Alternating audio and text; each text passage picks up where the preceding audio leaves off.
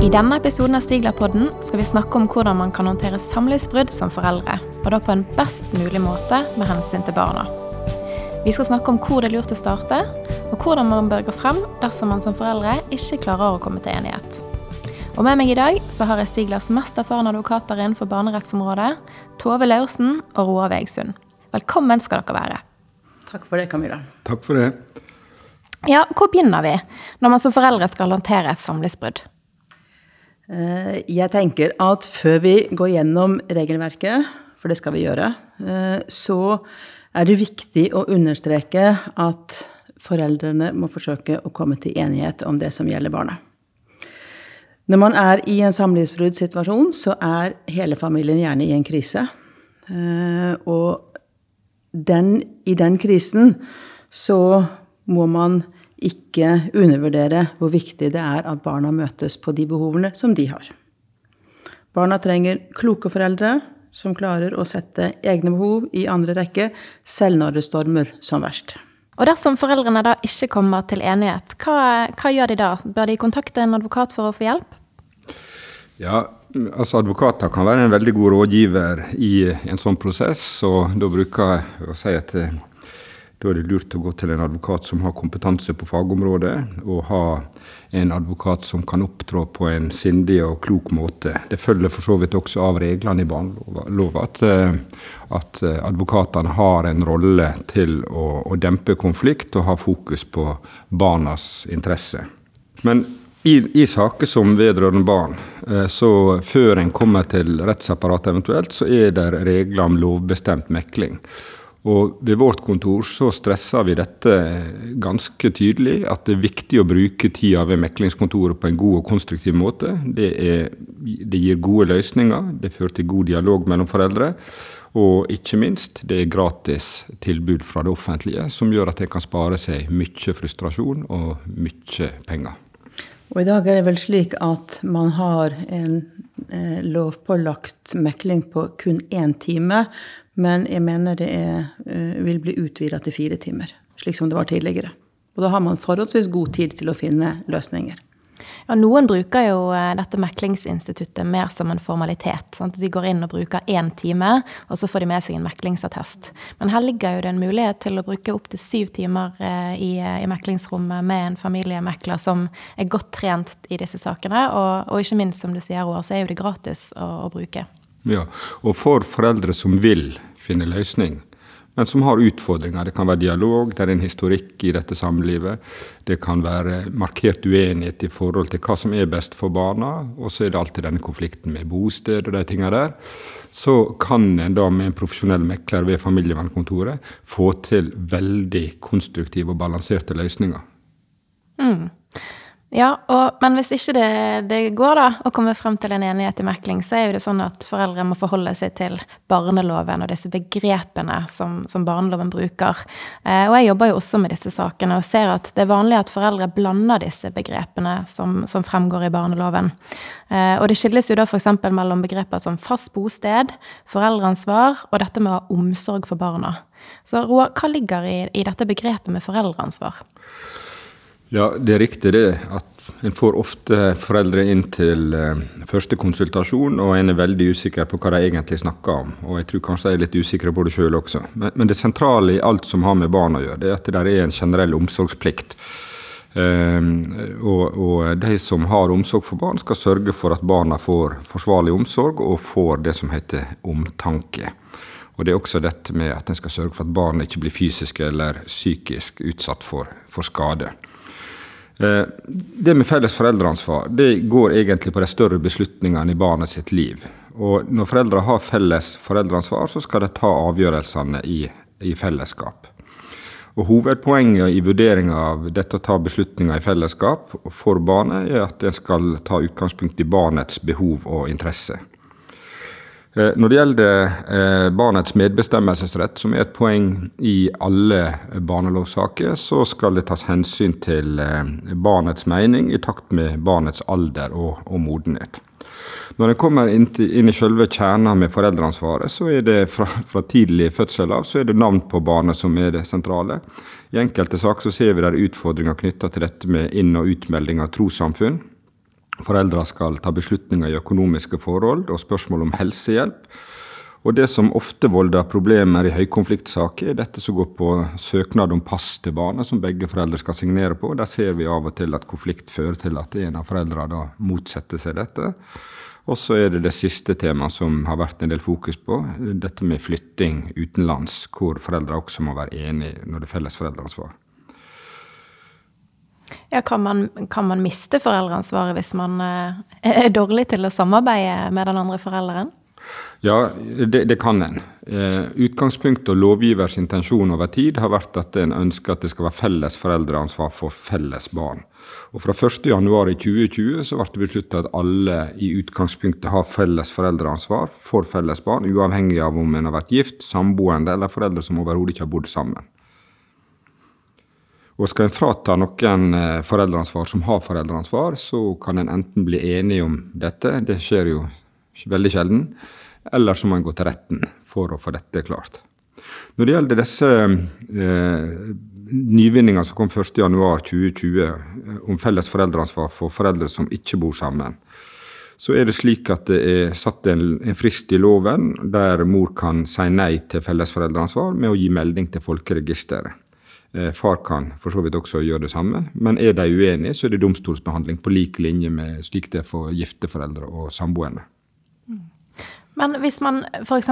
nekter å samtykke til utstedelse av pass for barna, er det noe som får betydning for spørsmål om foreldreansvar? Ja, Det blir jo en helt konkret vurdering. fordi at Det er jo litt med årsaken til hvorfor en motsetter seg dette. Er det fare for at en, en forelder kan flytte utenlands med barnet, så kan jo det være sterke beveggrunner for å ikke gjøre det. Men er det sjikanehensikt og at en forelder obstruerer ved å bruke sin makt som del i foreldreansvaret, så kan det være diskvalifiserende for en forelder. Jeg tror at jeg i de årene jeg har jobbet med dette fagfeltet, så har jeg hatt kanskje to eller tre saker som gjelder fratakelse av foreldreansvar.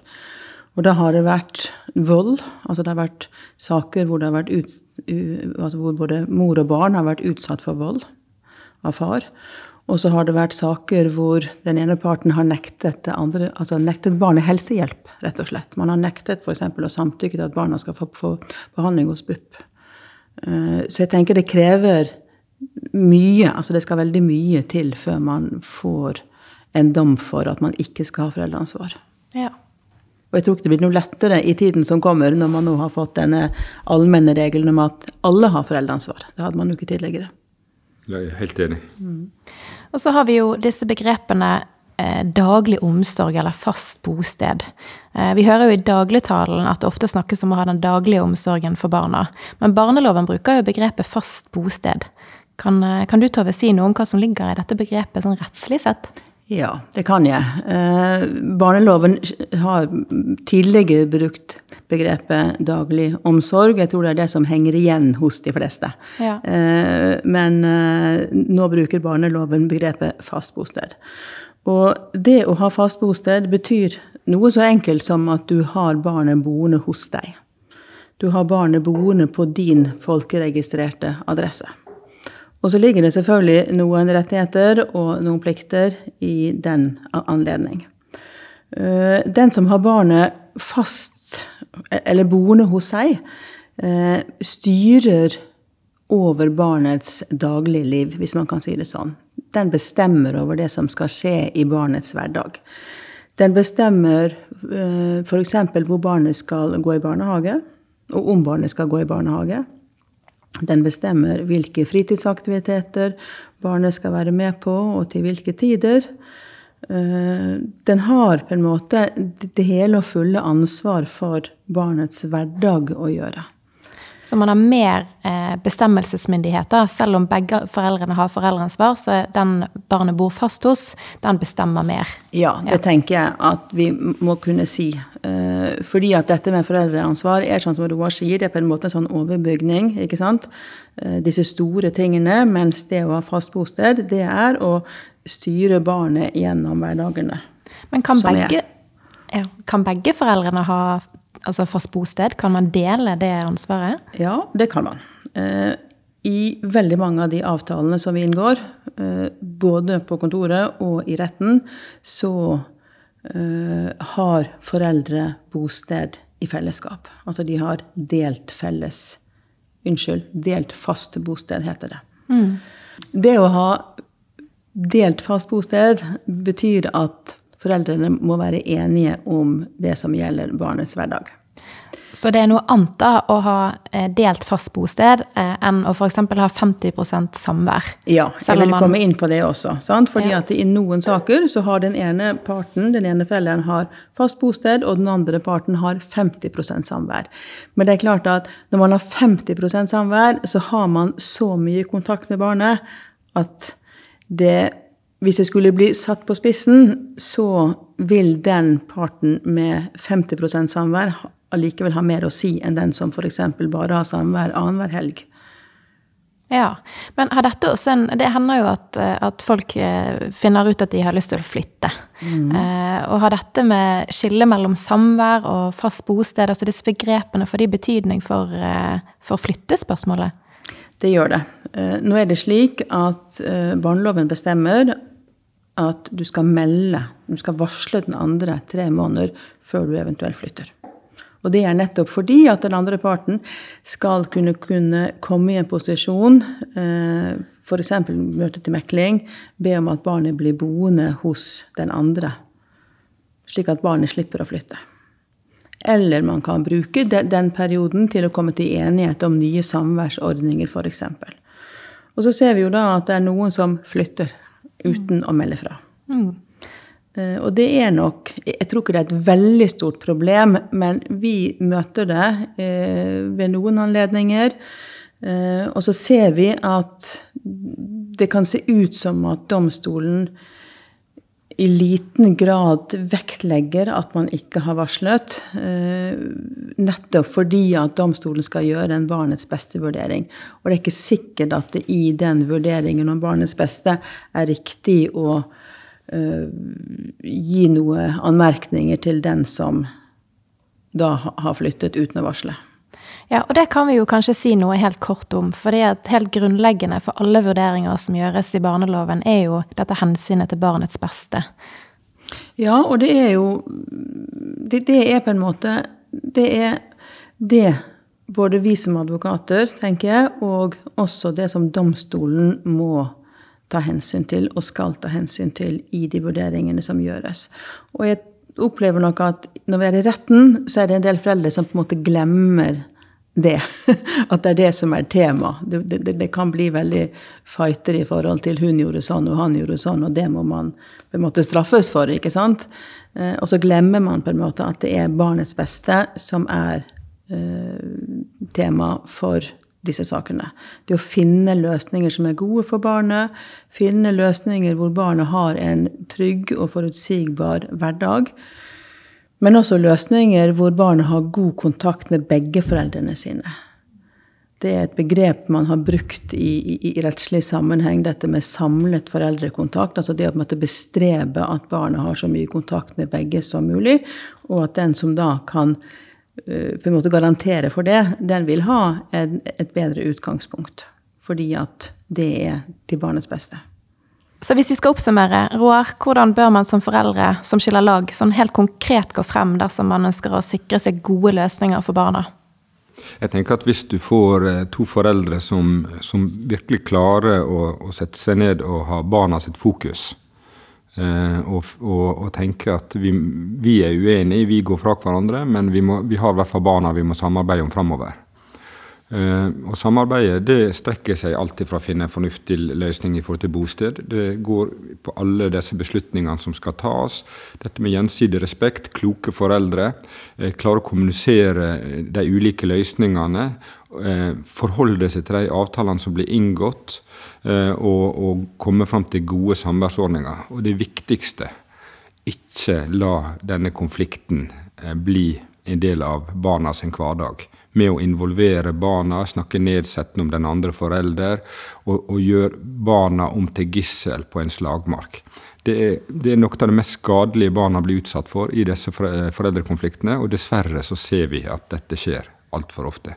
Så kloke foreldre er bra for barna. Eh, og så kan jeg skyte inn helt avslutningsvis. Eh, jeg var på et meklerseminar for en del år siden. Og da snakket man om hvordan man skal opptre for å være best mulig foreldre for ungene sine. Og da sier disse meklerne at det beste man kan gjøre, er å opptre som gode kollegaer overfor hverandre. Man er ikke lenger kjærester, og man er ikke lenger bestevenner. Iallfall ikke de fleste er bestevenner etter et samlivsbrudd, men man kan i det minste opptre som gode kollegaer. Det tror jeg er et godt råd å ha med seg. Flott. Vi håper at Tove og Roar sine råd til foreldre i samlivsbrudd vil spare dere for både kostbare og konfliktfylte prosesser, og sikre gode løsninger både for dere som foreldre og for barna. I en senere episode så vil vi snakke om samværsordninger og hvordan dere kan skrive en god samværsavtale. Takk til Roar og Tove, og til deg som hører på, takk for at du lytter til Stiglarpodden. Er du interessert i mer informasjon, eller ønsker du å motta våre nyhetsartikler? Ta gjerne kontakt med oss, eller meld deg på vårt nyhetsbrev.